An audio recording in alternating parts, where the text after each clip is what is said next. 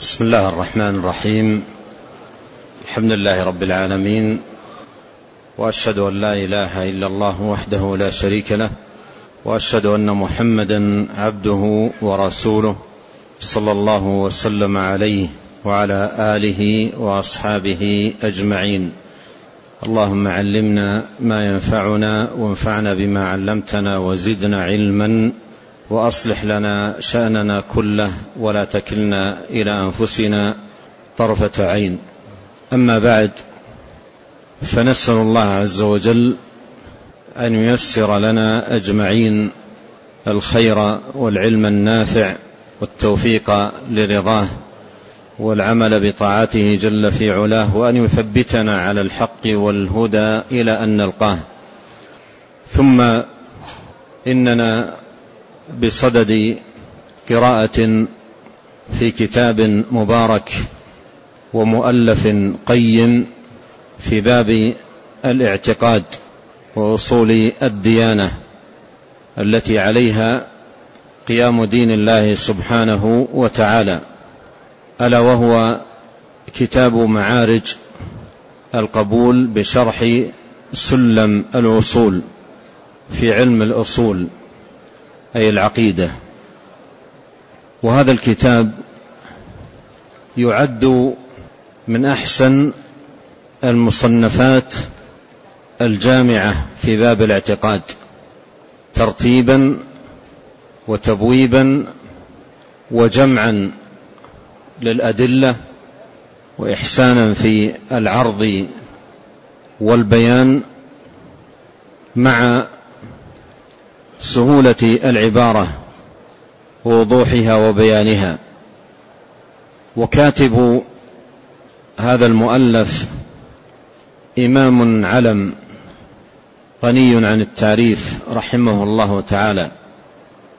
وقد كتب رسالته هذه أو مؤلفه هذا في سن مبكر من عمره فإنه رحمه الله تعالى نظم المنظومة التي هي سلم الوصول وعمره رحمه الله تعالى عشرون سنة وشرحها هذا الشرح الوافي الكافي وعمره رحمه الله تعالى أربعة وعشرون سنة.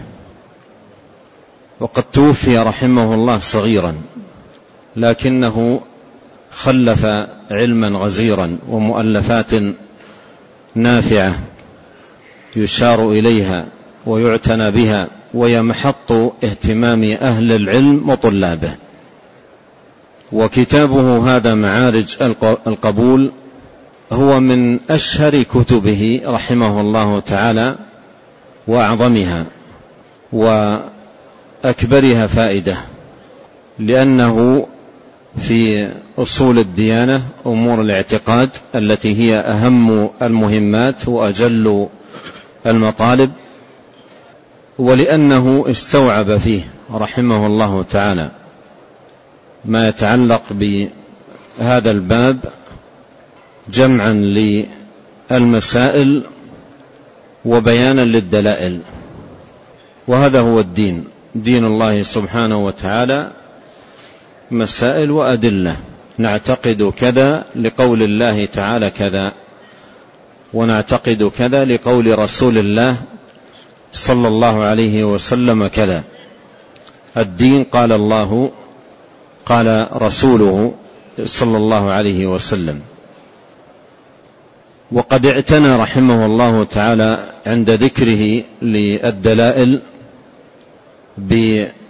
محاولة الاستقصاء للأدلة أدلة القرآن وجمع أكبر قدر متيسر من أحاديث الرسول عليه الصلاة والسلام. وهذا ظاهر بالتأمل لذكره رحمه الله تعالى للأدلة حيث إنه في كثير من المواضع يستعرض أدلة المسألة التي هو بصدد بيانها من القرآن من فاتحته إلى خاتمته. يسوق الأدلة. وفي سورة كذا ثم يذكر ما فيها من أدلة. وسورة كذا بتمامها. وآية كذا في سورة كذا. يستعرض القرآن من الفاتحة إلى الخاتمة جمعا للأدلة في المسألة أو الباب الذي هو بصدد بيانه رحمه الله تعالى.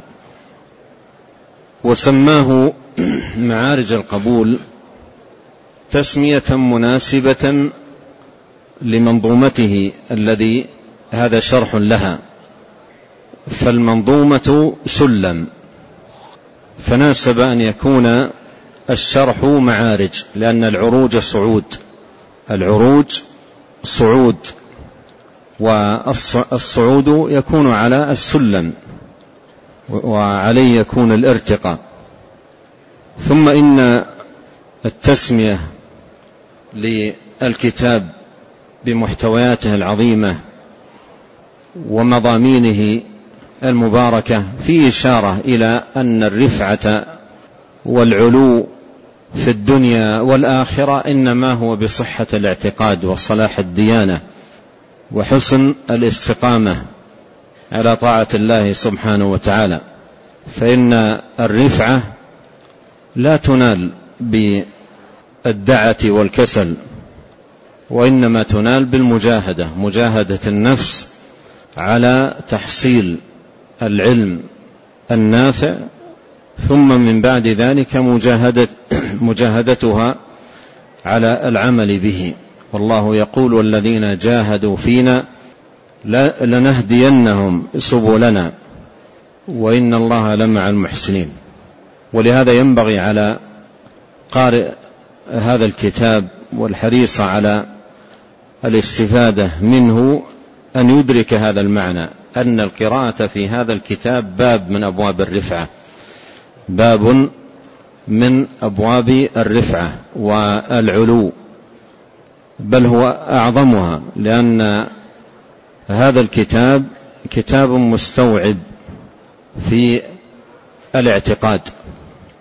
ولهذا يصلح أن يقال لو قدر أن سائلا سأل عن كتاب واحد عن كتاب واحد يقتصر عليه يجمع أمور الاعتقاد لكان هذا الكتاب من أولى ما يشار به إليه لحسن جمعه وترتيبه واستيعابه للمسائل والدلائل.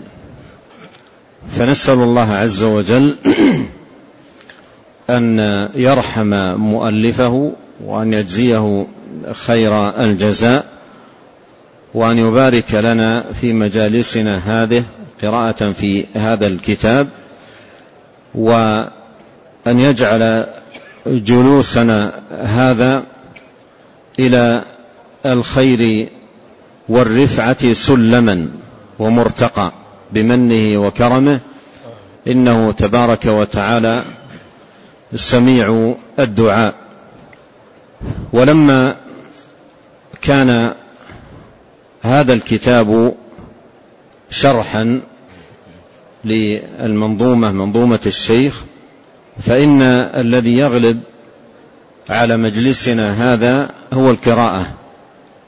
ويكون آه، في أثناء ذلك تعليقات على ما أرى الحاجة إلى التعليق عليه لكن آه، الذي يغلب على الدرس القراءة القراءة في هذا الكتاب العظيم المبارك ويعلق عليه تعليقات يسيرة بحسب آه، الحاجة.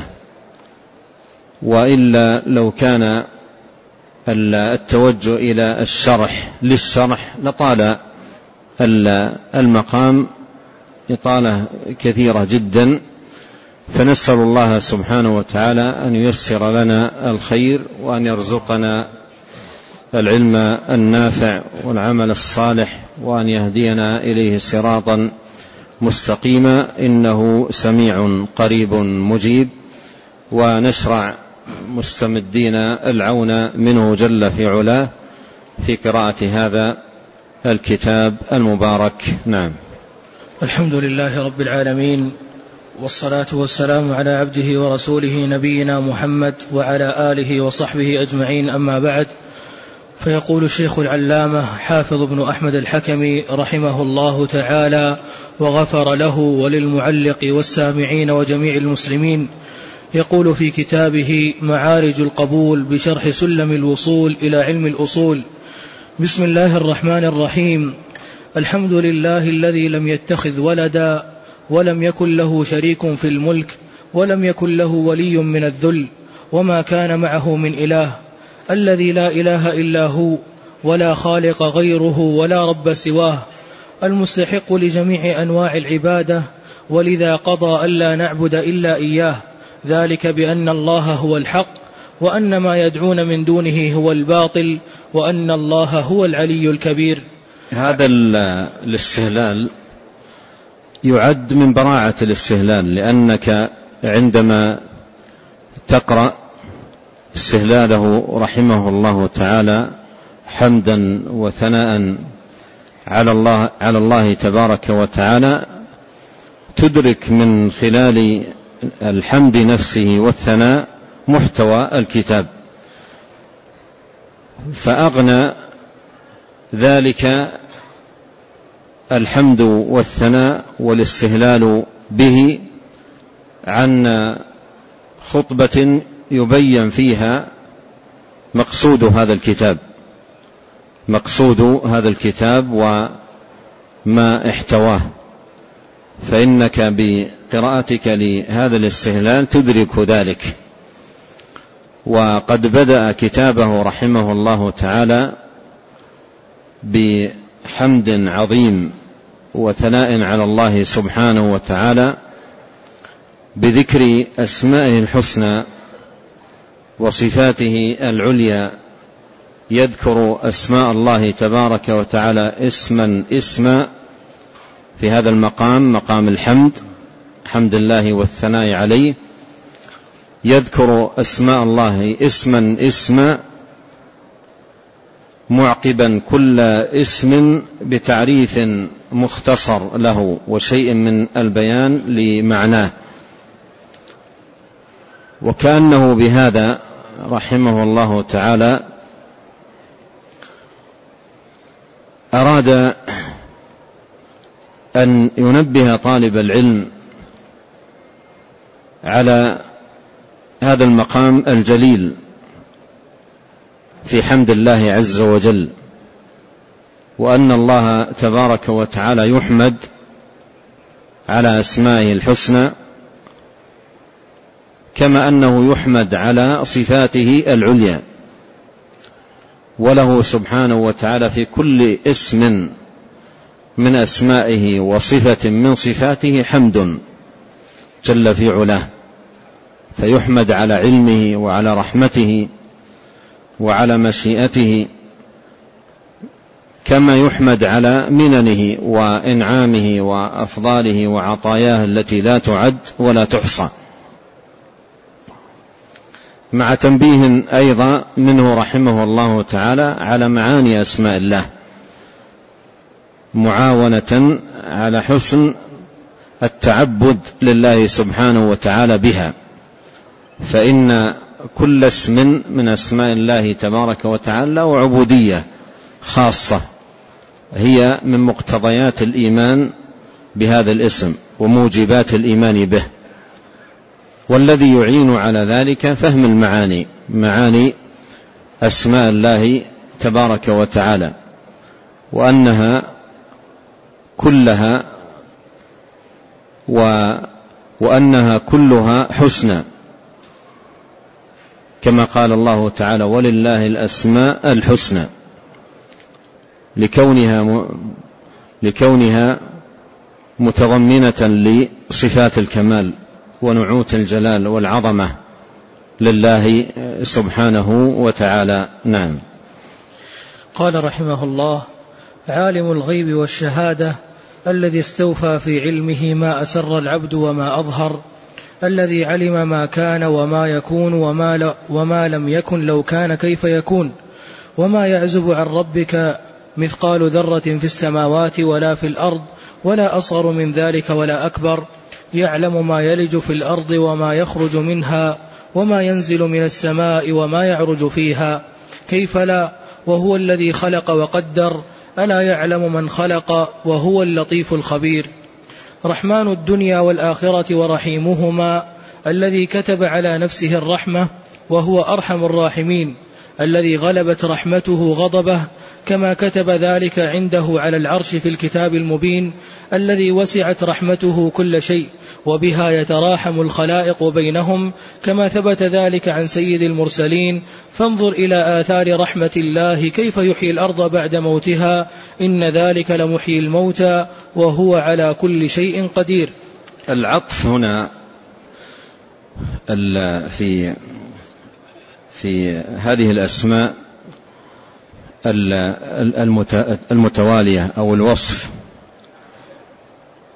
متعلق بماذا؟ عندما قال رحمه الله عالم الغيب رحمن الدنيا الملك.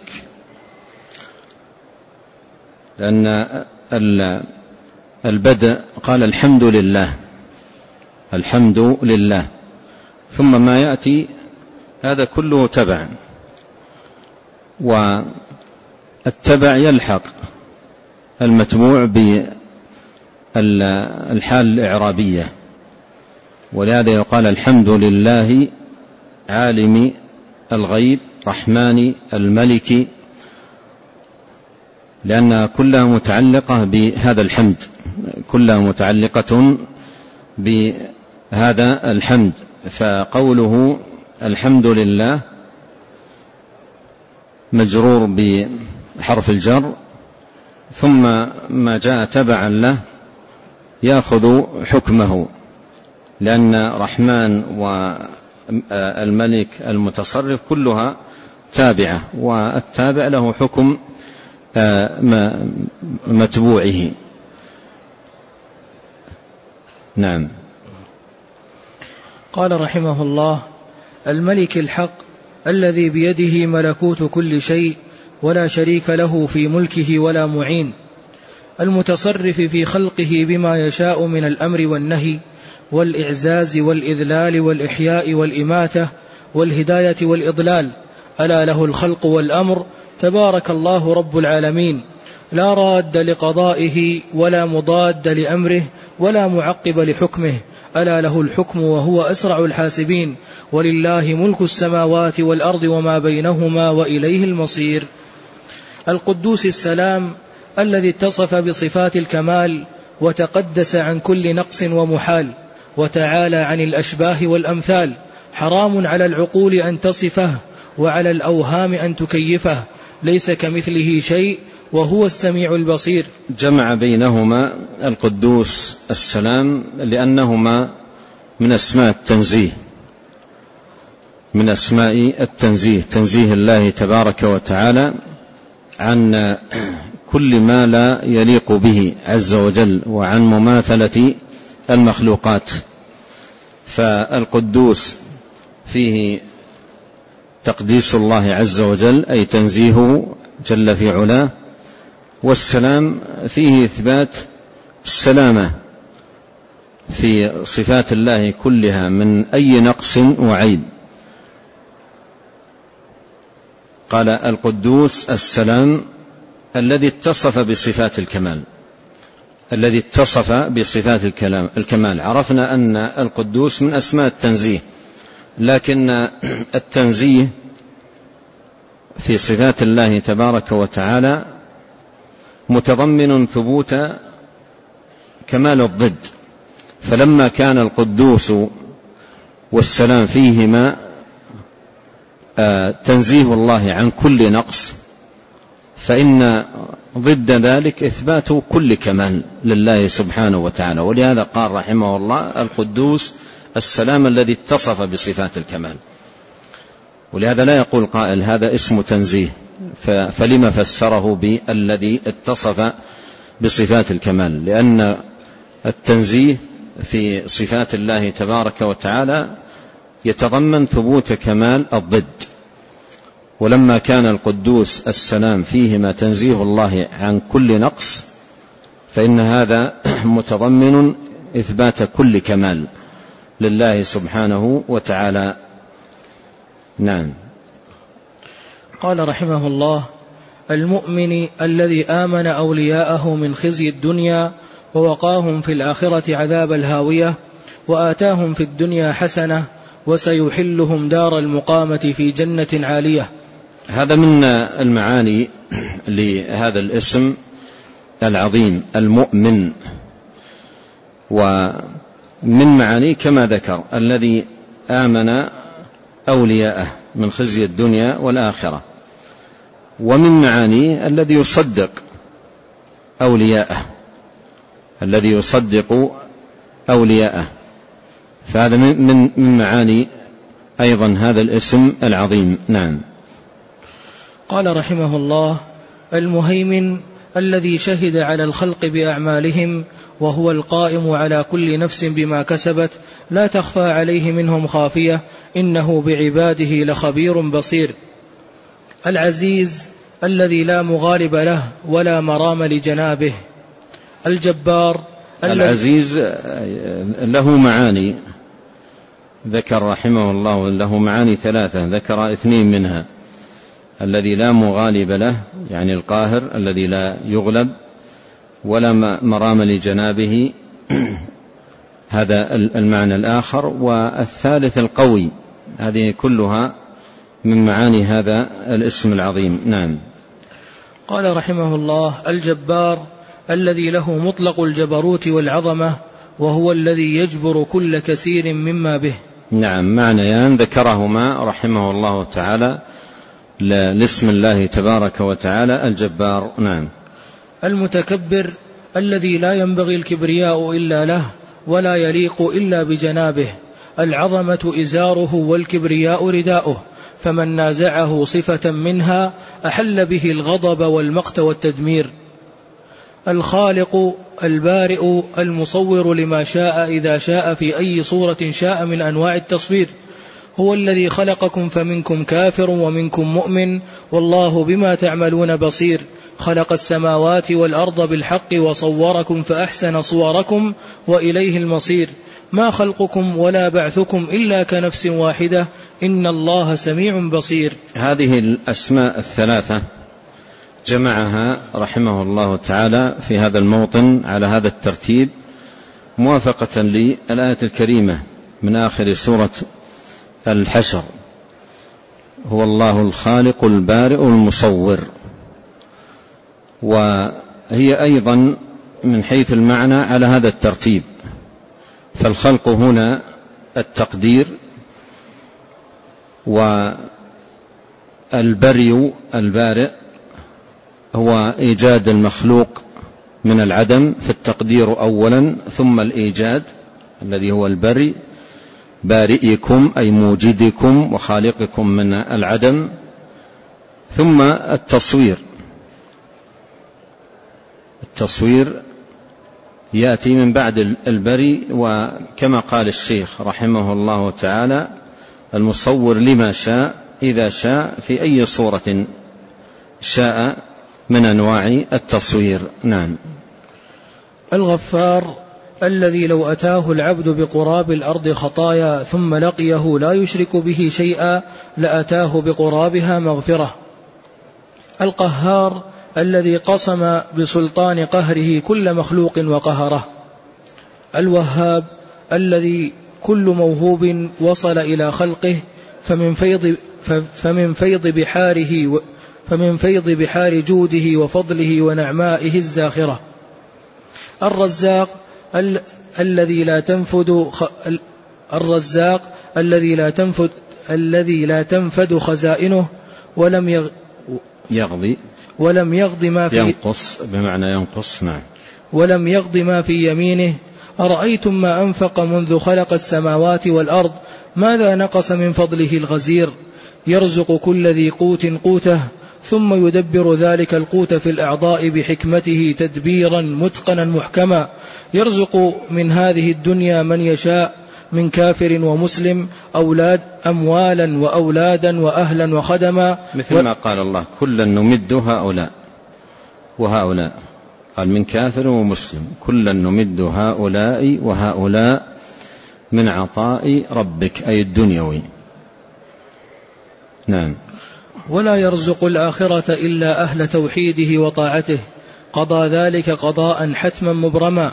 وأشرف الأرزاق في هذه الدار ما رزقه عبده على أيدي رسله من أسباب النجاة من الإيمان والعلم والعمل والحكمة وتبيين الهدى المستنير. وهذا فيه التنبيه إلى أن التوفيق للعلم النافع والعمل الصالح هو أعظم الرزق. أعظم الرزق. فالرزق أنواع أعظمها رزق الهداية أن يرزق الله سبحانه وتعالى عبده الهداية للعلم النافع والعمل الصالح وأن يمن عليه بذلك. نعم. الفتاح الذي يفتح على من يشاء بما يشاء من فضله العميم. يفتح على هذا مالا وعلى هذا ملكا وعلى هذا علما وحكمة. ذلك فضل الله يؤتيه من يشاء. والله ذو الفضل العظيم. ما يفتح الله للناس من رحمة فلا ممسك لها وما يمسك فلا مرسل له من بعده وهو العزيز الحكيم. العليم الذي أحاط علمه بجميع المعلومات من ماض وآت وظاهر وآمن ومتحرك وساكن وجليل وحقير. علم بسابق علمه عدد أنفاس خلقه وحركاتهم وسكناتهم وأعمالهم وأرزاقهم وآجالهم. ومن هو منهم من أهل الجنة ومن هو منهم من أهل النار في العذاب المهين.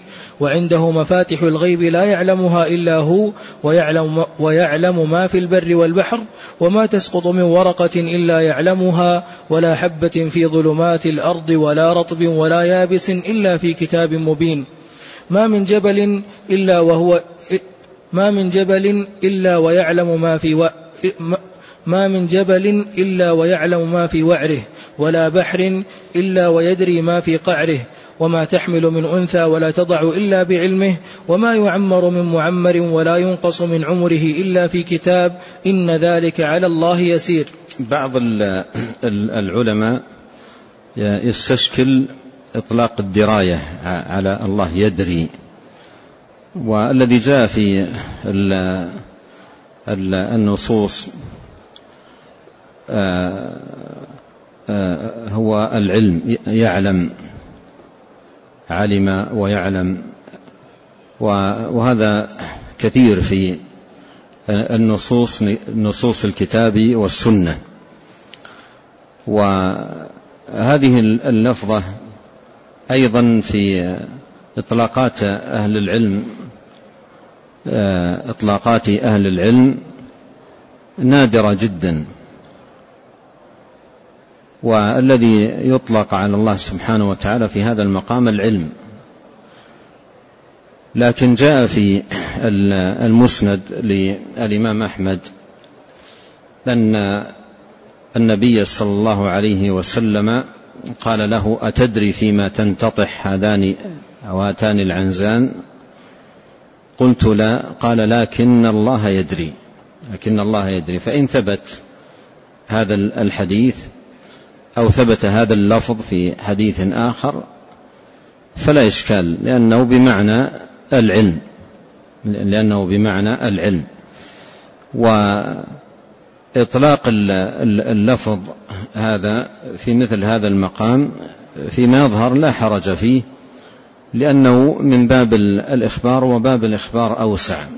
وأما إن ثبت فإنه إن ثبت عن عن النبي عليه الصلاة والسلام فإنه يكون من باب الأوصاف الثابتة عن نبينا الكريم صلوات الله وسلامه عليه. نعم. القابض الباسط فيقبض عمن يشاء فيقبض عمن يشاء رزقه فيقدره عليه ويبسط على من يشاء فيوسع عليه. وكذا له القبض والبسط في أعمال عباده وقلوبهم. كل ذلك إليه. إذ هو المنفرد بالإحياء والإماتة والهداية والإضلال والإيجاد والإعدام وأنواع التصرف والتدبير. الخافض الرافع الضار النافع المعطي المانع. فلا رافع لمن خفض ولا خافض لمن رفعه ولا نافع لمن ضر ولا ضار لمن نفعه ولا مانع لما أعطى ولا معطي لمن منع ولا معطي لمن هو له مانع. فلو اجتمع أهل السماوات السبع والأرضين السبع وما فيهن وما بينهما على خفض من هو رافعه أو ضر من هو نافعه أو إعطاء من هو مانعه لم يكن ذلك في استطاعتهم بواقع. وإن يمسسك الله بضر فلا كاشف له إلا هو وإن يمسسك بخير فهو على كل شيء قدير. المعز المذل الذي أعز أولياءه المؤمنين في الدنيا والآخرة وأيدهم بنصره المبين وبراهينه القويمة المتظاهرة وأذل أعداءه في الدارين وضرب عليهم الذلة والصغار وجعل عليهم الدائرة فما لمن والاه وأعزه من مذل جعل عليهم الدائرة أي دائرة السوء عليهم دائرة السوء نعم. فما لمن والاه وأعزه من مذل وما لمن عاداه وأذله من ولي ولا نصير. السميع البصير لا ك لا كسمع لا كسمع ولا بصر. السميع البصير لا كسمع ولا بصر أحد من الورى. القائل لموسى وهارون إنني معكما أسمع وأرى. فمن, فمن نفى عن الله ما وصف به نفسه أو شبه صفاته بصفات خلقه فقد افترى على الله كذبا وقد خاب من افترى. لا تدركه الأبصار وهو يدرك الأبصار وهو اللطيف الخبير.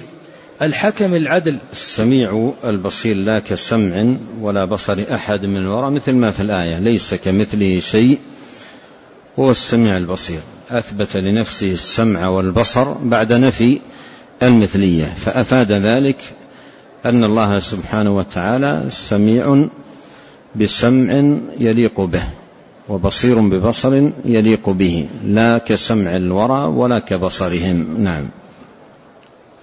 الحكم العدل في قضائه وقدره وشرعه وأحكامه قولا وفعلا. إن ربي على صراط مستقيم فلا يحيف في حكمه ولا يجور. وما ربك بظلام للعبيد الذي حرم الظلم على نفسه وجعله بين عباده محرما ووعد الظالمين الوعيد الاكيد. وفي الحديث ان الله ليملي للظالم حتى اذا اخذه لم يفلته. وكذلك أخذ ربك إذا أخذ القرى وهي ظالمة إن أخذه أليم شديد.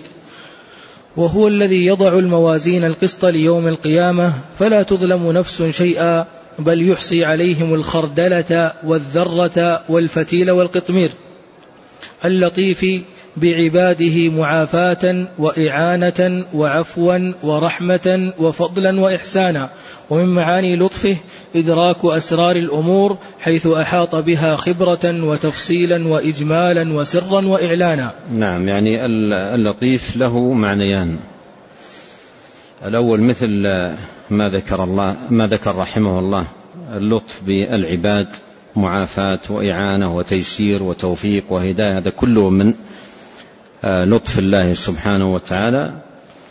ومن المعاني معاني اللطيف إدراك أسرار الأمور وخفيات الأشياء. نعم. الخبير بأحوال مخلوقاته وأقوالهم وأفعالهم. المعنى الثاني من معاني اللطيف هو هو معنى الخبير. نعم. الخبير الخبير بأحوال مخلوقاته وأقوالهم وأفعالهم ماذا عملوا وكيف عملوا وأين عملوا ومتى عملوا حقيقة وكيفية ومكانا وزمانا. إنها إن تك مثقال حبة من خردل فتكن في صخرة أو في السماوات أو في الأرض يأتي بها الله. إن الله لطيف خبير. الحليم فلا يعاجل, فلا يعاجل أهل معصيته بالعقاب بل يعافيهم ويمهلهم ليتوبوا فيتوب عليهم. إنه هو التواب العظيم الذي اتصف بكل معنى يوجب التعظيم. وهل تنبغي العظمة إلا لرب الأرباب؟ خفضت لعظمته وجبروته جميع العظماء وذل خضعت لعظم نعم العظيم هذا على حسب التنسيق. هنا يأخذ سطرا جديدا. لأن ينتهي الكلام على الحليم إنه هو التواب. إنه هو التواب. ثم العظيم العظيم إنه هو التواب. ثم ينتهي الكلام ويبدأ الكلام الجديد العظيم الذي اتصف بكل معنى يوجب التعظيم. واضح؟ واضح. نعم. العظيم الذي اتصف بكل معنى يعني لا يكون هكذا معه في السطر وإنما على نفس الترتيب يأخذ سطرا جديدا. نعم. الحليم الحليم فلا يعاجل أهل معصيته بالعقاب بل يعافيهم ويمهلهم ليتوبوا فيتوب عليهم إنه هو التواب. العظيم الذي اتصف بكل معنى يوجب التعظيم.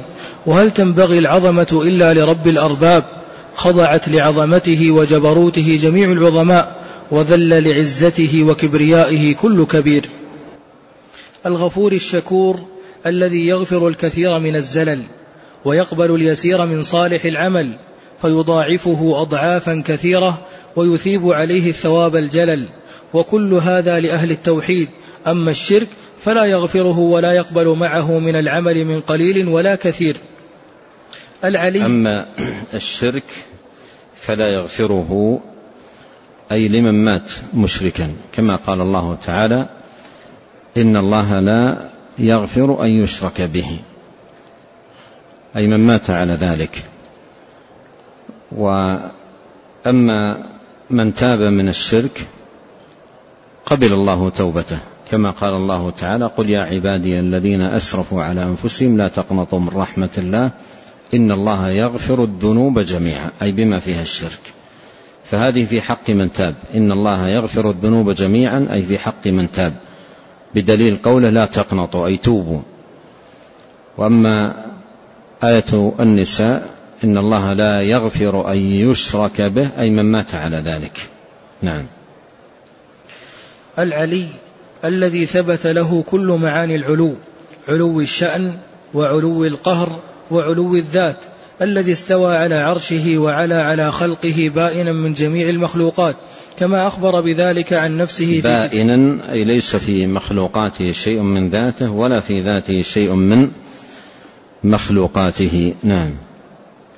كما أخبر بذلك عن نفسه في كتابه وأخبر عنه رسوله صلى الله عليه وسلم في أصح الروايات وأجمع على ذلك أهل الحل والعقد بلا نزاع بينهم ولا نكير. نعم وسيأتي عند المصنف تفصيل واسع في هذا. نعم. الكبير الذي كل شيء دونه والأرض جميعا قبضته يوم القيامة والسماوات مطويات بيمينه كما أخبر بذلك عن نفسه نصا بينا محكما. الحفيظ على كل شيء فلا يعزب عنه مثقال ذرة في الأرض ولا في السماء الذي وسع كرسيه السماوات والأرض ولا يؤوده حفظهما حفظ أولياءه في الدنيا والآخرة ونجاهم من كل أمر خطير. المغيث لجميع مخلوقاته فما, فما استغاثه ملهوف إلا نجاه. الحسيب الوكيل الذي ما الذي ما الذي ما التجأ إليه مخلص إلا كفاه ولا اعتصم به مؤمن إلا حفظه ووقاه ومن يتوكل على الله فهو حسبه فنعم المولى ونعم النصير. الجليل الذي جل عن كل نقص واتصف بكل كمال وجلال. الجميل الذي له مطلق الجمال في الذات والصفات والأسماء والأفعال. الكريم الذي لو أن أول الخلق وآخرهم وإنسهم وجنهم قاموا في صعيد واحد فسألوه فأعطى كل واحد منهم مسألته ما نقص ذلك مما عنده إلا كما ينقص المخيط إذا أدخل البحر كما روى عنه نبيه المصطفى المفضال ومن كرمه أن يقابل الإساءة بالإحسان والذنب بالغفران ويقبل التوبة ويعفو عن التقصير. الرقيب على عباده بأعمالهم العليم بأقوالهم وأفعالهم الكفيل بأرزاقهم وآجالهم وإنشائهم ومآلهم المجيب لدعائهم وسؤالهم وإليه المصير الواسع الذي وسع كل شيء علما ووسع خلقه برزقه ونعمته وعفوه ورحمته كرما وحلما. يعلم ما بين أيديهم وما خلفهم ولا يحيطون به علما. لا تدركه الأبصار وهو يدرك الأبصار وهو اللطيف الخبير. الحكيم في خلقه وتدبيره إحكاما وإتقانا. الحكيم في شرعه وقدره عدلا وإحسانا. وله الحكمة البالغة والحجة الدامغة. ومن أكبر من الله شهادة وأوضح دليلا وأقوم برهانا فهو العدل وحكمه عدل وشرعه عدل وقضاؤه عدل فله الملك وله الحمد وهو على كل شيء قدير. الودود الذي يحب أولياءه ويحبونه كما أخبر عن نفسه في محكم الآيات. المجيب لدعوة الداعي إذا دعاه في أي مكان كان وفي أي وقت من الأوقات فلا يشغله سمع عن سمع ولا يختلف عليه ولا تختلف عليه المطالب ولا تشتبه عليه الأصوات فيكشف الغم ويذهب الهم ويفرج الكرب ويستر العيب وهو الستير المجيد الذي هو أهل الثناء كما مجد نفسه وهو الممجد على اختلاف الألسن وهو الممجد على اختلاف الألسن وتباين اللغات بأنواع التمجيد. الباعث الذي بدأ الخلق ثم يعيده وهو أهون عليه إنه هو الفعال لما يريد. الشهيد الذي هو أكبر الشهيد الذي هو أكبر كل شيء شهادة وكفى بالله شهيدا. أولم يكفهم بربك أنه على كل شيء شهيد. هو الحق وقوله هو الحق وقوله الحق وله الملك يوم ينفخ في الصور عالم الغيب والشهادة وهو الحكيم الخبير القوي المتين الذي لم يقم لقوته شيء وهو الشديد. لقوته. القوي المتين الذي لم يق... الذي لم يقم لقوته شيء وهو الشديد المحال. الولي للمؤمنين فلا غالب لمن تولاه وإذا أراد بقوم سوءا فلا مرد له وما لهم من دونه من وال.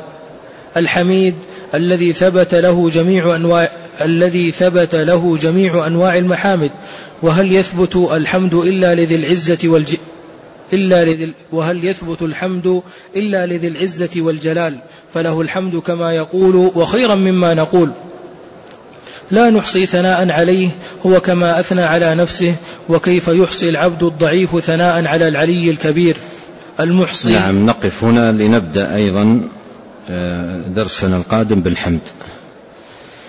نسأل الله عز وجل آه، أن ينفعنا أجمعين بما علمنا وأن يزيدنا علما وتوفيقا وتسديدا وأن يصلح لنا شأننا كله. إنه تبارك وتعالى سميع قريب. سبحانك اللهم وبحمدك أشهد أن لا إله إلا أنت أستغفرك وأتوب إليك. اللهم صل وسلم على عبدك ورسولك نبينا محمد وآله وصحبه.